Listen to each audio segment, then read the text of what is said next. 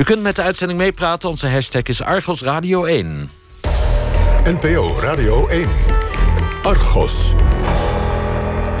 Maar nu eerst een heel ander lid van de koninklijke familie. Meester Pieter van Vollenhoven heeft het ook niet altijd makkelijk gehad als eerste burger in de familie. Maar we gaan het met hem hebben over iets heel anders, namelijk veiligheid. Dat is het thema van het interview dat Kees van der Bos had met Van Vollenhoven.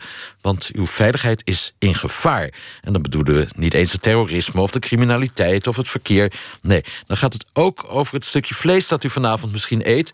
Of het kopje sterrenmuntthee dat u nu drinkt. En natuurlijk over die chemische fabriek bij u in de buurt. We gaan snel luisteren naar meester Pieter van Vollenhoven, Prins Veiligheid. Dat er gesjoebeld wordt met de regels. Dat kan ik me nog iets bij voorstellen op grond van economische motieven, maar het moet tijdiger worden hersteld. Anders wordt het in ziekte in onze maatschappij. Ik heb nog nooit een ongeval onderzocht of meegemaakt waar sprake was van een donderslag uit heldere hemel. Alles is op de werkvloer bekend. Wil je die maatschappij dan toch enigszins plezierig houden, dan moet je elkaar kunnen blijven vertrouwen. En dan speelt veiligheid een belangrijke rol. En dan heb je ook een regisseur nodig, eigenlijk, om dat goed te arrangeren. Alleen de overheid is een slecht veiligheidsregisseur. Er moet wel duidelijkheid komen. Dat moet. Voor de samenleving is dat noodzakelijk.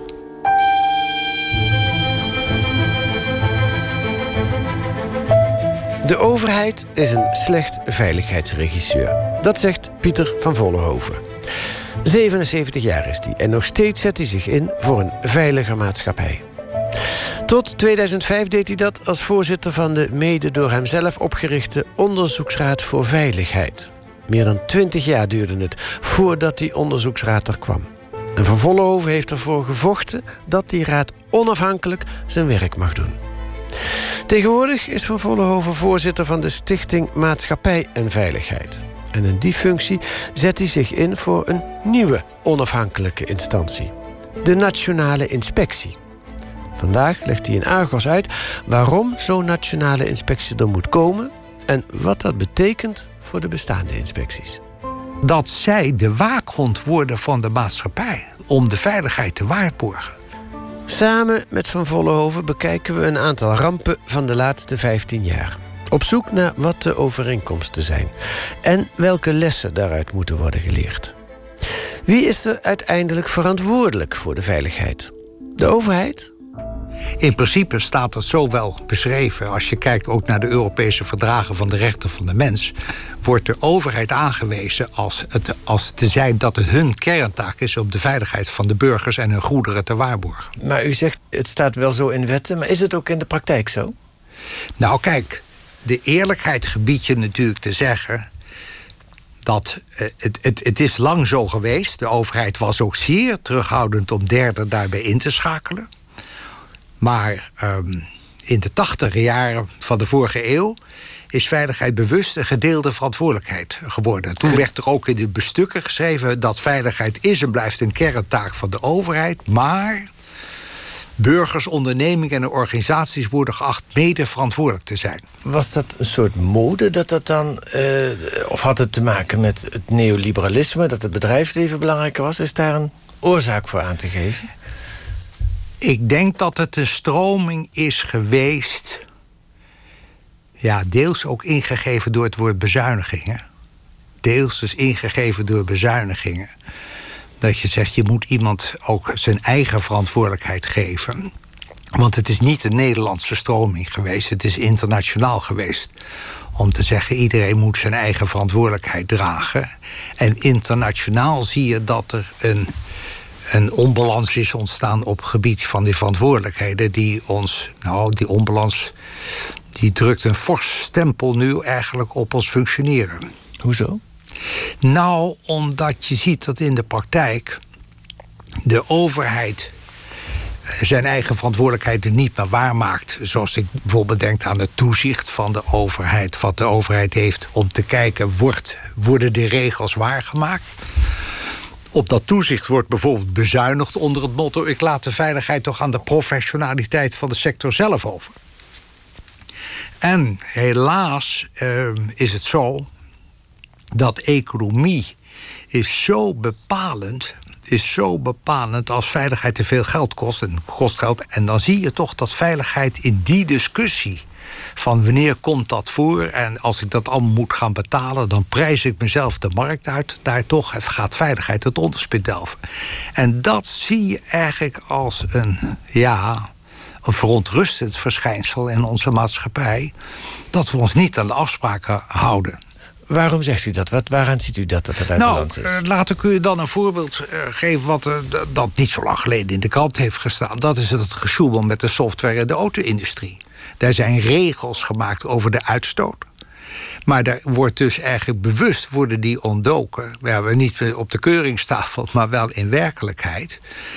En dat wordt naar mijn overtuiging, ik kan mij voorstellen dat die tendens er is, want daar is weer economisch voordeel mee te behalen. Maar daar zie je, waar was het overheidstoezicht? Waarom duurt dat zo lang dat iets zo lang kan voortbestaan? Een regel die we gezamenlijk hebben afgesproken en ondertekend in Europa, dat het dan zo afloopt. Waarom heeft niemand ingegrepen bij de Lycra-fabriek in Dordrecht van het Amerikaanse bedrijf DuPont? Mensen in de fabriek werkten tientallen jaren met giftige stoffen zonder enige vorm van bescherming. En ondanks talloze klachten kwam niemand in actie, ook de arbeidsinspectie niet. Zaterdag vertelden personeelsleden in één vandaag over de gevolgen van baarmoederhalskanker tot doodgeboren kinderen. En sinds die onthulling melden zich nog meer slachtoffers. Natuurlijk moet een arbeidsinspectie dat weten. Dat ligt toch voor de hand. Ook toen was het al lang al bekend. Dat men moest monitoren, persoonlijk monitoren, handschoenen gebruiken. Liever geen vrouwen daarmee laten werken. En zo. Dat zijn allemaal dingen die al bekend waren. En zeker in de jaren 80. Het heeft jarenlang geduurd voordat hun verhaal naar buiten kwam.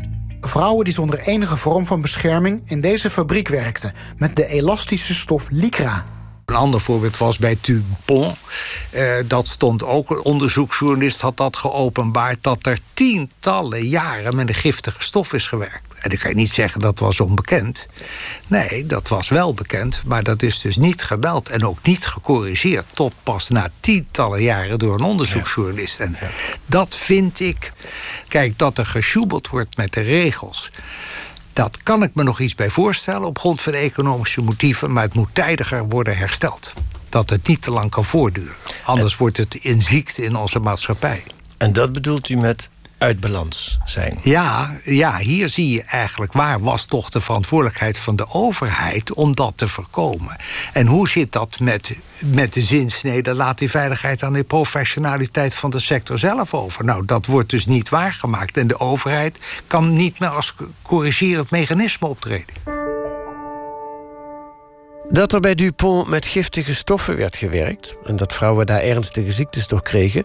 werd begin dit jaar onthuld door het Algemeen Dagblad... en in september lekte een nieuw schandaal uit via de Volkskrant. Vorige maand werd het bedrijf, na weer een lekkage van een giftige stof... stilgelegd en onder verscherpt toezicht geplaatst. Maar dat is dus jaren te laat. De veiligheidsdiscussie begon in 2000 na een grote ontploffing in Enschede. NOS Journaal. Te veel en te zwaar vuurwerk, oorzaak van de Enschedese ramp. Veel verdriet en onbegrip bij de bewoners.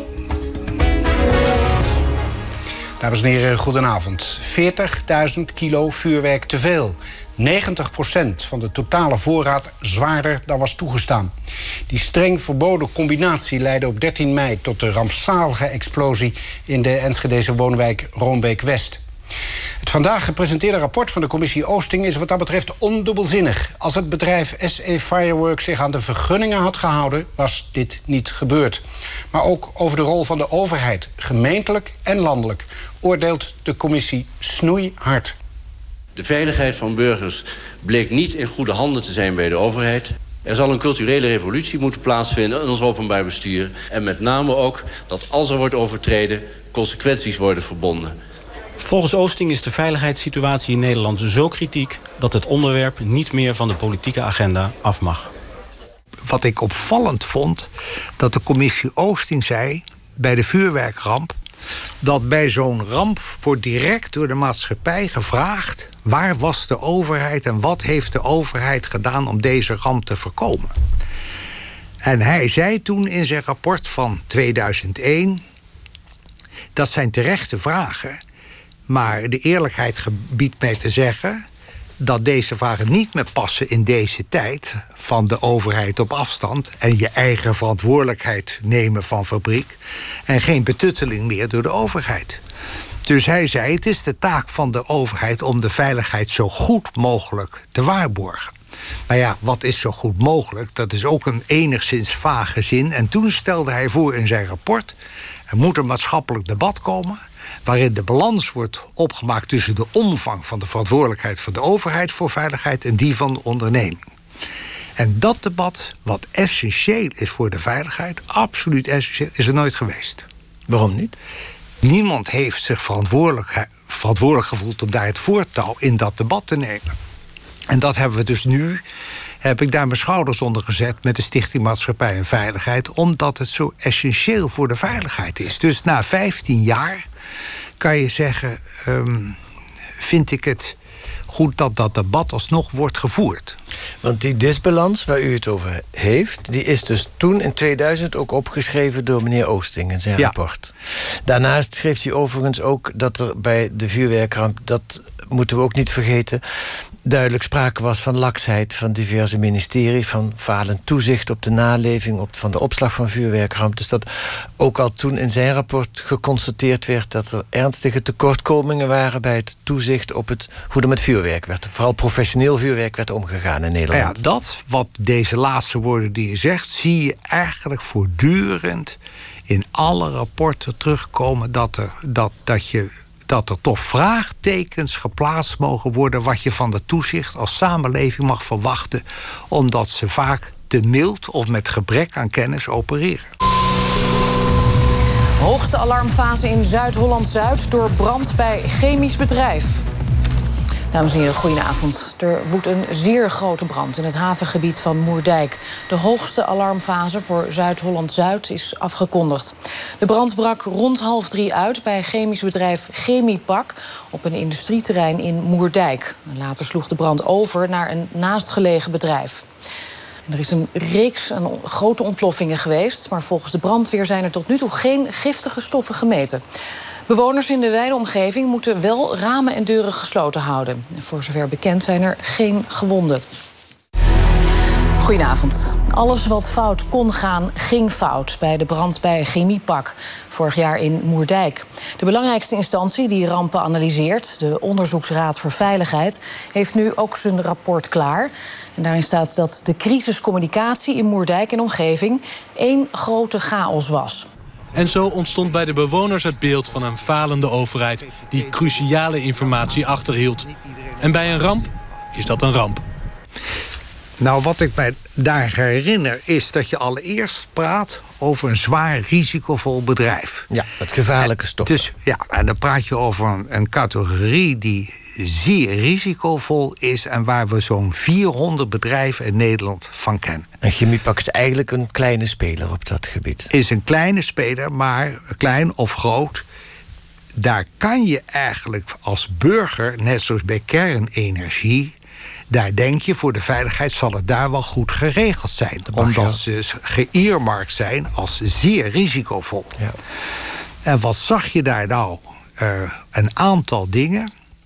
Ten eerste komen de inspecties alleen maar langs als het schikt. Dus altijd met een vooraankondiging. En als het niet schikt, komen ze niet. Nou, dat vind ik toch reuze kwestieus. Heel concreet bij Chemiepak betekende dat... er stonden containers op het middenterrein opgesteld... maar als de inspectie zei, we komen volgende week langs... dan stonden de, die containers toch niet.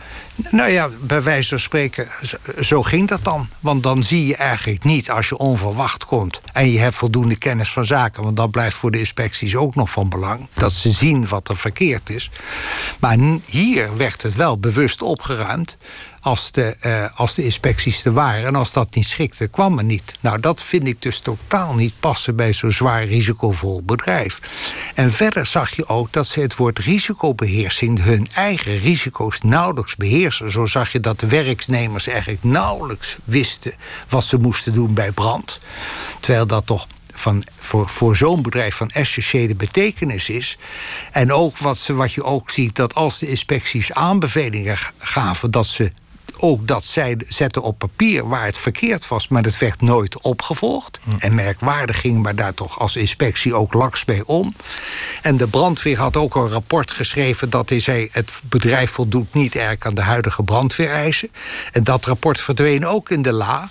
En als je dat nou zo beziet en je praat dan, je zegt dan tegen een vreemdeling we laten de veiligheid aan de professionaliteit van de sector zelf over. En iedereen wordt geacht zijn eigen verantwoordelijkheid te nemen. En dan zie je dat dat hier niet wordt genomen.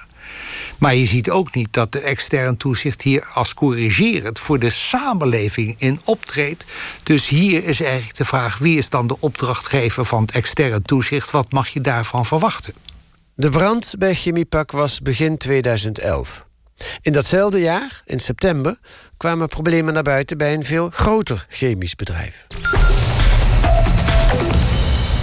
In het Botlekgebied blijkt vorige maand een grote hoeveelheid butaangas te zijn ontsnapt. dan gaat het om 200 ton. Dat was opgeslagen in grote tanks van het bedrijf Otfiel. Het Noorse bedrijf kwam daar pas na twee weken achter en hield het ook daarna stil. De Milieudienst kreeg een anonieme tip over de gasontsnapping. Butaan is uiterst brandbaar, maar het bedrijf zegt dat er geen gevaarlijke situatie is geweest. Nou, daar zie je ook dat veiligheid het onderspit delft. Want hoe is het aan het licht gekomen, Otsfjell? Wederom behoort het tot de groep van de 400 zwaar risicovolle bedrijven... door een klokkenluider. Door een klokkenluider heeft het opgepakt. En toen is, er, is men kritisch gaan kijken. En toen zag je eigenlijk pas bij dat kritisch kijken... en natuurlijk het bericht van de klokkenluider... dat het bedrijf zich al jaren niet hield... nog aan zijn eigen regels, nog aan de wettelijke regels... En dat het intern toezicht als een kostenpost werd gezien die de winst drukte.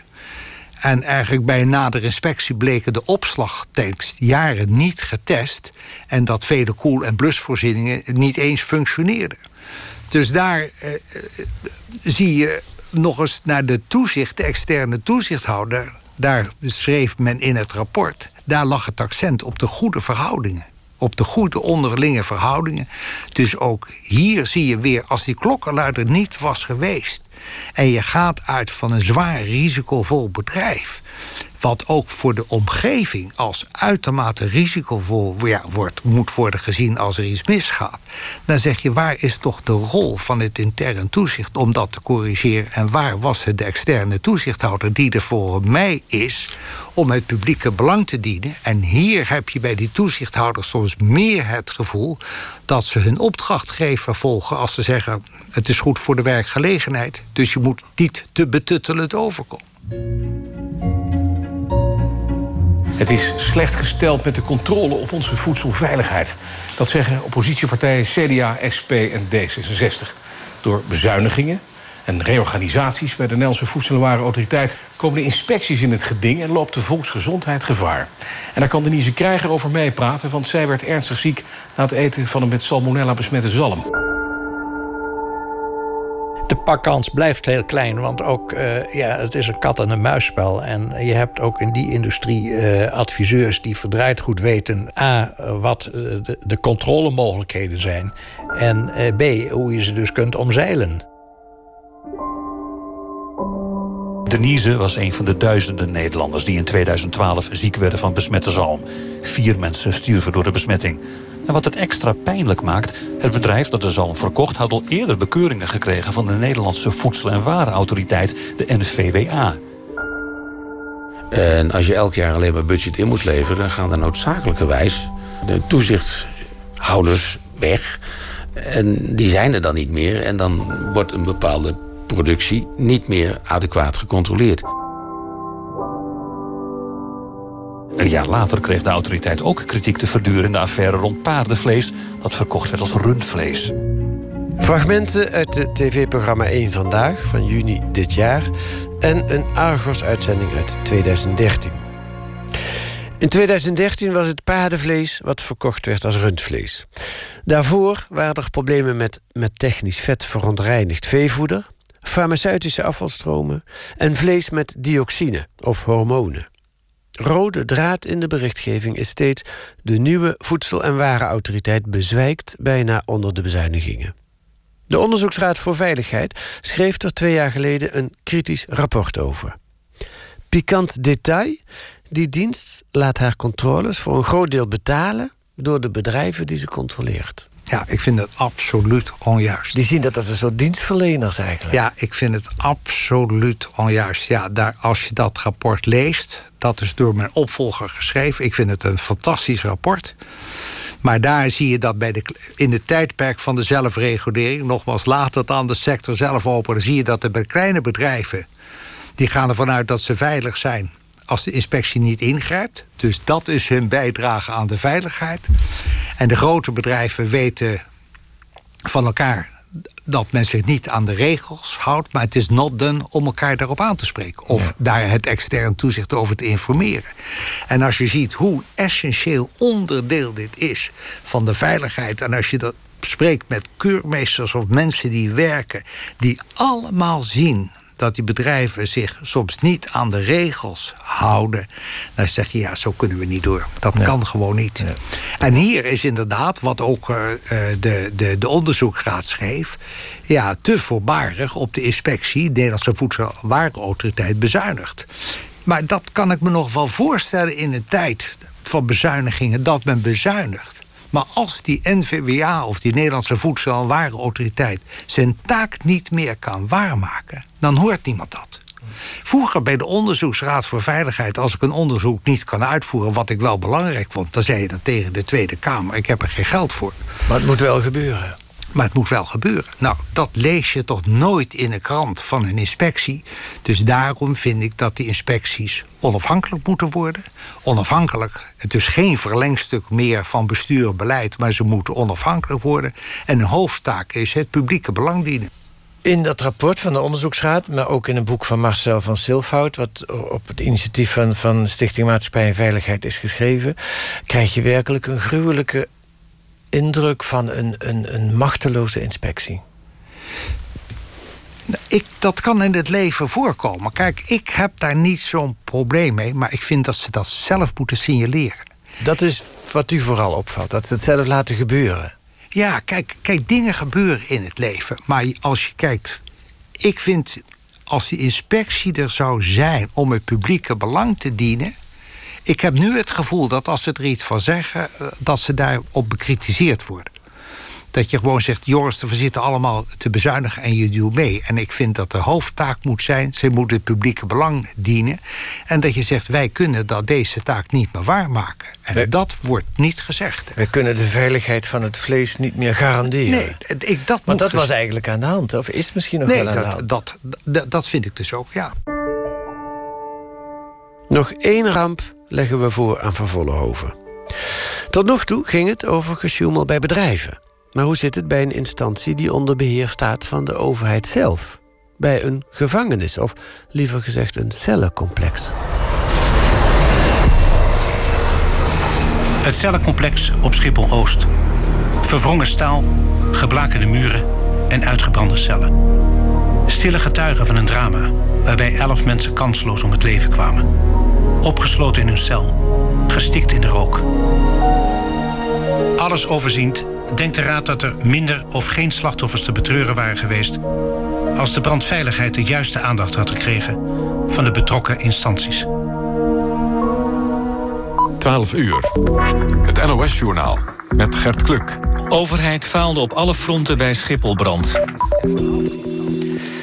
Bij de Schipholbrand waren minder of geen doden gevallen... als de overheid de eigen regels voor brandveiligheid had nageleefd. De dienst justitiële inrichtingen is de hoofdverantwoordelijke voor het overheidsfalen.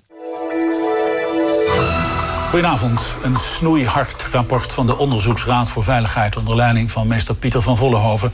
leidde vanmiddag tot het aftreden van de ministers Dekker van Vrom... en Donner van Justitie. Twee uur geleden maakten de ministers hun aftreden in de Tweede Kamer bekend. Ja, eigenlijk zie je dat de regels daar wel zijn.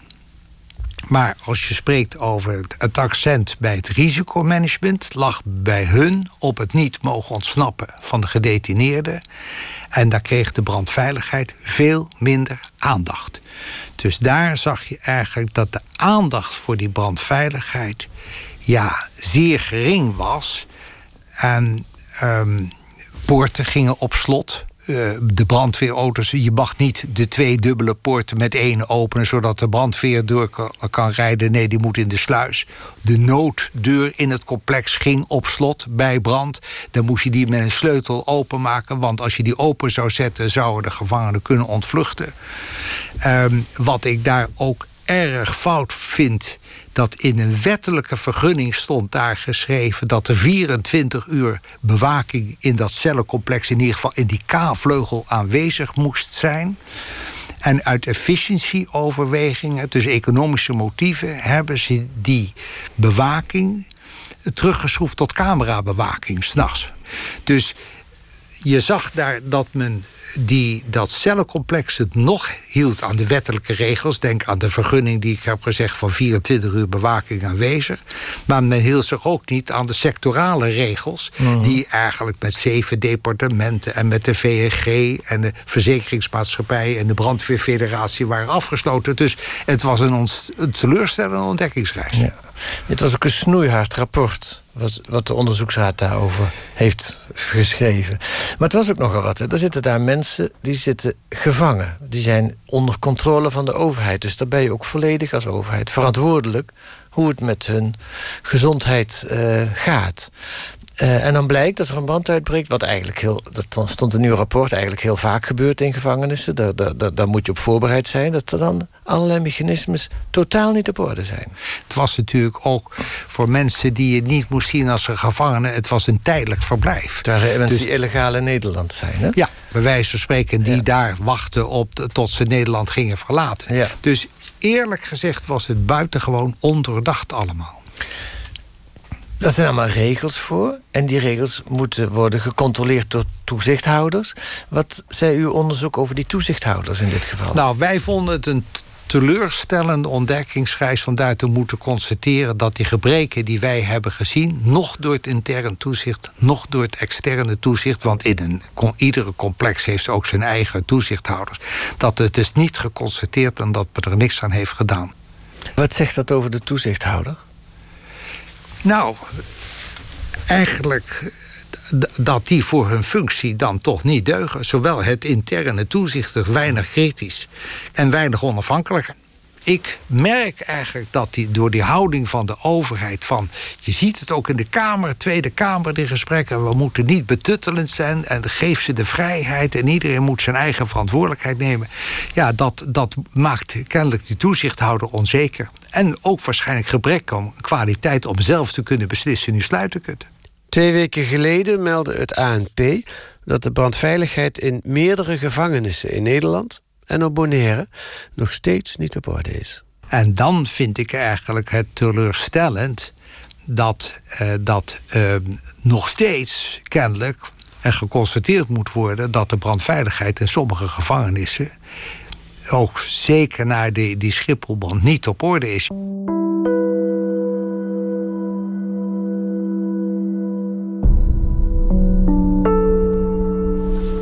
Moet er niet ook geld bij? Of spreekt u zich daar niet over uit? Zijn ze niet te klein geworden, de inspecties? Daar, daar, ga je ook voor. Dan moet je dat ook kenbaar maken. Nu weet ik dat niet steeds. Ze zeggen dat niet eens. Als ze, kijk eens, ze zijn eigenlijk zo gedwee... dat als de overheid bezuinigt, dan zie je niet... dat de inspectie staakt die zegt... we doen het werk niet meer, we kunnen onze taak niet uitoefenen.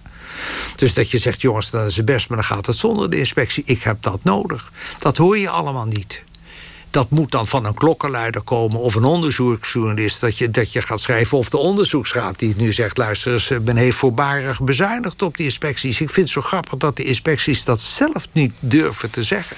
Dus dat vind ik het voordeel als ze onafhankelijker worden. Dat ze zelf aan de bel kunnen trekken. Maar het publiek moet het gevoel hebben: een inspectie is voor mij een waakhond of alles goed naar orde. Dan kunnen ze fouten maken, maar dat blijft. Maar ik wil niet wat nu gebeurt, dat het tientallen jaren fout gaat zonder in te grijpen.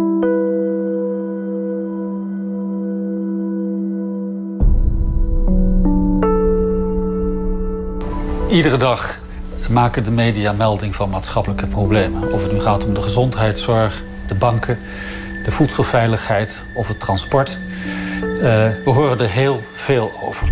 En stevast is dan de vraag: heeft de overheid het goed gedaan? En steeds vaker is ook de vraag: heeft het toezicht het goed gedaan? Drie jaar geleden publiceerde de WRR, de Wetenschappelijke Raad voor het Regeringsbeleid, het rapport Toezien op publieke belangen over de rol van het toezicht. U hoorde André Knopneres, voorzitter van de WRR. Hij licht de drie aanbevelingen toe. 1. Er is te veel bezuinigd op het toezicht. 2. Toezicht is niet alleen regels handhaven. Toezichthouders moeten ook zelf gevaren op de agenda kunnen zetten. En deze aanbeveling. In de derde plaats zien we dat toezicht steeds meer wordt gezien vanuit de overheid als verlengstuk van beleid en bestuur. Daarmee kan de onafhankelijkheid van toezicht onder druk komen. De WR zegt: geef het toezicht de ruimte om die onafhankelijke rol voluit te vervullen. Pieter van Vollenhoven vindt steun bij dat rapport van de Wetenschappelijke Raad voor het Regeringsbeleid. Met de Wetenschappelijke Raad voor het Regeringsbeleid uh, vind ik dat er duidelijkheid moet komen: wat is de rol van de toezichthouder? Nu zijn ze te veel een verlengstuk van bestuur en beleid. En ik wil dat ze absoluut een, het publieke belang gaan dienen. Onafhankelijk worden. Ja, onafhankelijk gaan ze dus functioneren van die minister. Vergelijkbaar met het functioneren van de Onderzoeksraad voor Veiligheid. En onafhankelijk is belangrijk omdat ze dan. een vuist kunnen maken. En ook durven te maken. En durven te maken dat ze niet kunnen worden teruggefloten. Dat ik niet tegen u ga zeggen, dat gaan we niet doen. U gaat te ver, dat moet je echt niet doen. Dat ze van hoge hand worden teruggezet. Ja, want heel concreet, uh, die tegenstand die je soms ondervindt... hebt u ook ondervonden bij het onderzoek naar de brand in het cellencomplex op Schiphol-Oost... dat het ministerie van Justitie het niet altijd even leuk vond waar u mee bezig was? Nee, kijk, dat is het met de moeilijkheid met het woord onafhankelijkheid. Wij zijn hier ook... Ah, onafhankelijkheid, nogmaals, de waarheid is niet geliefd. Dat is altijd. En we zijn opgevoed met een poldermodel. We zijn reuze opgevoed. En wij, wij vinden dat het met het poldermodel zodanig dat ik u toch even op ga bellen en zeg dat gaan we toch niet in een rapport schrijven. Dat, dat, dat zou ik je niet aanraden. Zo zijn we. Dus... Zo'n telefoontjes kreeg u wel. Nou ja, dat de neiging. Kijk, er zijn telefoontjes geweest. En maar dat ik heb gezegd, luister eens, kijk nog eens even naar onze wet. Eigenlijk, kijk nog eens even goed wat daar geschreven is. Wij bepalen zelf wat er in de rapporten komt. Maar de neiging je moet oppassen dat je niet daar mensen gaat krijgen die daar gevoelig voor zijn, voor die zinsneden. Henk, we gaan dat toch niet opschrijven. Ik, ik zou dat nu erg ongunstig vinden als je dat zou doen. Die neiging bestaat er wel. En u kon dan zeggen, ja, dat kun je wel willen, maar ik ben onafhankelijk, ik schrijf op wat ik vind. Ja, en is dat ook een hoofdprobleem in de tekortschieten van de huidige inspecties? Hun niet nou, dat vermoed ik wel. Ze zeggen we zijn onafhankelijk, maar uh, dat is natuurlijk de moeilijkheid. Maar als je nu kijkt naar de onafhankelijkheid in alle onderzoeksrapporten, dan blijkt dat niet. Nee, nee. dan blijkt dat ze niet die onafhankelijkheid hebben. Nee, absoluut niet. En wat is uw oplossing? Nou, mijn oplossing is eigenlijk dat de, belangrijkste inspecties die nu ook betrokken zijn, er zijn er een stuk of 18 in de inspectieraad, een eenheid worden. Inspecties die zien dat niet als wenselijk. Maar dat doet me denken aan de Onderzoeksraad voor Veiligheid. De sectoren toen ze bij elkaar werden gebracht zagen dat totaal niet zitten. Wat heeft luchtvaart met scheepvaart, met wegverkeer of buisleidingen te maken? Nou, meneer Van Vollenhoven ziet het niet helder bij zijn hoofd. Hoe kan nou één instituut al die verschillende branches onderzoeken? Dat werd toen gezegd. Ja, en dat, dat is nu, bij de Algemene Rekenkamer doet dat ook. En daar wordt het ook niet meer gezegd. En bij de Onderzoeksraad voor Veiligheid wordt dat ook niet meer gezegd. Dus het kan wel, zegt u. Precies, de aanpak van de onderzoek en voor de inspecties is de aanpak hetzelfde. Maar u pleit voor een nationale inspectie, moet ik het zo noemen? Ja, zo zou ik het willen noemen. Maar aan wie moet zo'n nationale inspectie dan verantwoording afleggen? Oh, kijk eens, dat is net zoals bij de Onderzoeksraad voor Veiligheid. Je hangt ze op een ministerie en die minister wordt wel verantwoordelijk... of ze, of ze geen gekke dingen doet, zoals bij de Onderzoeksraad voor Veiligheid ook. Voor het budget ben ik ook afhankelijk van het departement. De dingen, dus ik moet een begroting overleggen... en die wordt met de Tweede Kamer besproken. En je wordt beoordeeld op je rapporten.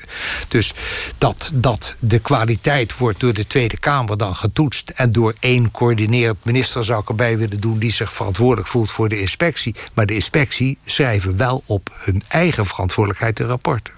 En u zegt dus er moet een nationale inspectie komen en uw hoofdpunt daarvoor is onafhankelijkheid. Ja, dat zij de waakhond worden van de maatschappij om, om de veiligheid te waarborgen.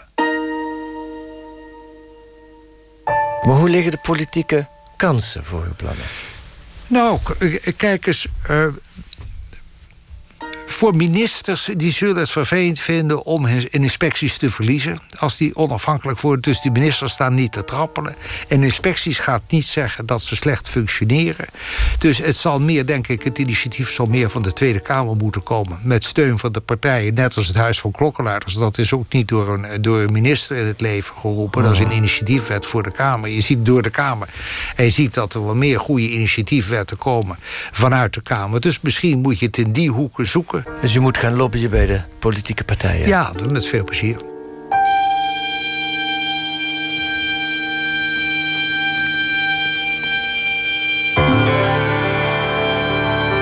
Meester Pieter van Vollenhoven hoorde u 77, maar nog altijd jong van geest. En ja, hij hoopt dus op een goed gesprek met de leden van de Tweede Kamer. Nou, wij zijn er alvast vooruit, op vooruitgelopen deze week... en hebben een rondje langs de fracties in de Tweede Kamer gemaakt. De SP is voor het plan van Pieter van Vollenhoven. Ze zijn al bezig met een initiatiefwetsvoorstel... om tot zo'n nationale inspectie te komen. D66 staat er niet onwelwillend tegenover. De PvdA ziet het probleem van de niet-onafhankelijkheid van inspecties... maar vindt een nationale inspectie wel een heel grote stap. En GroenLinks en de VVD zijn tegen. Maar goed, ze moeten nog met Van Vollenhoven erover praten natuurlijk. De vragen werden gesteld door Kees van der Bos. Verder werkt aan dit interview mee Jolien Kramer en technicus Alfred Koster. En wilt